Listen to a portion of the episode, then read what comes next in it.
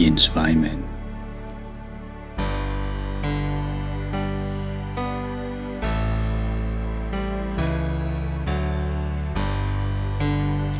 Hvem sidder der bag skærmen med klude om sin hånd? Med læderlap for øjet og om sin sko et bånd. Det er som en Jens Weimann, der er sin sure nød med hammeren må forbande de hårde sten til brød. Og vågner du en morgen i allerførste gry og hører hammeren klinge på ny, på ny, på ny. Det er som en Jens Weimann på sine gamle ben, som hugger vilde gnister af morgenvåde sten.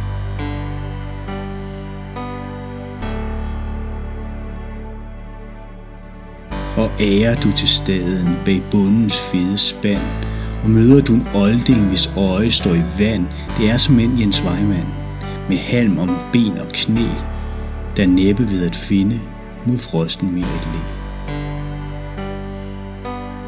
Og vender du tilbage i byer og i blæst, mens aftenstjernen skilver af kulde i sydvest og klinger hammerslaget bag vognen ganske nær det er som en Jens Weimann, som endnu sidder der.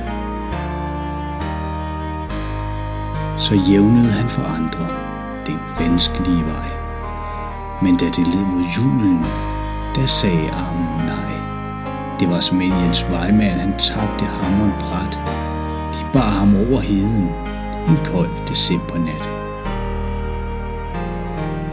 Der står på kirkegården et gammelt fryndet det hælder slemt til siden, og malingen er slet. Det er som en Jens Weimanns. Hans liv var fuld af sten, men på hans grav i døden, man gav ham aldrig.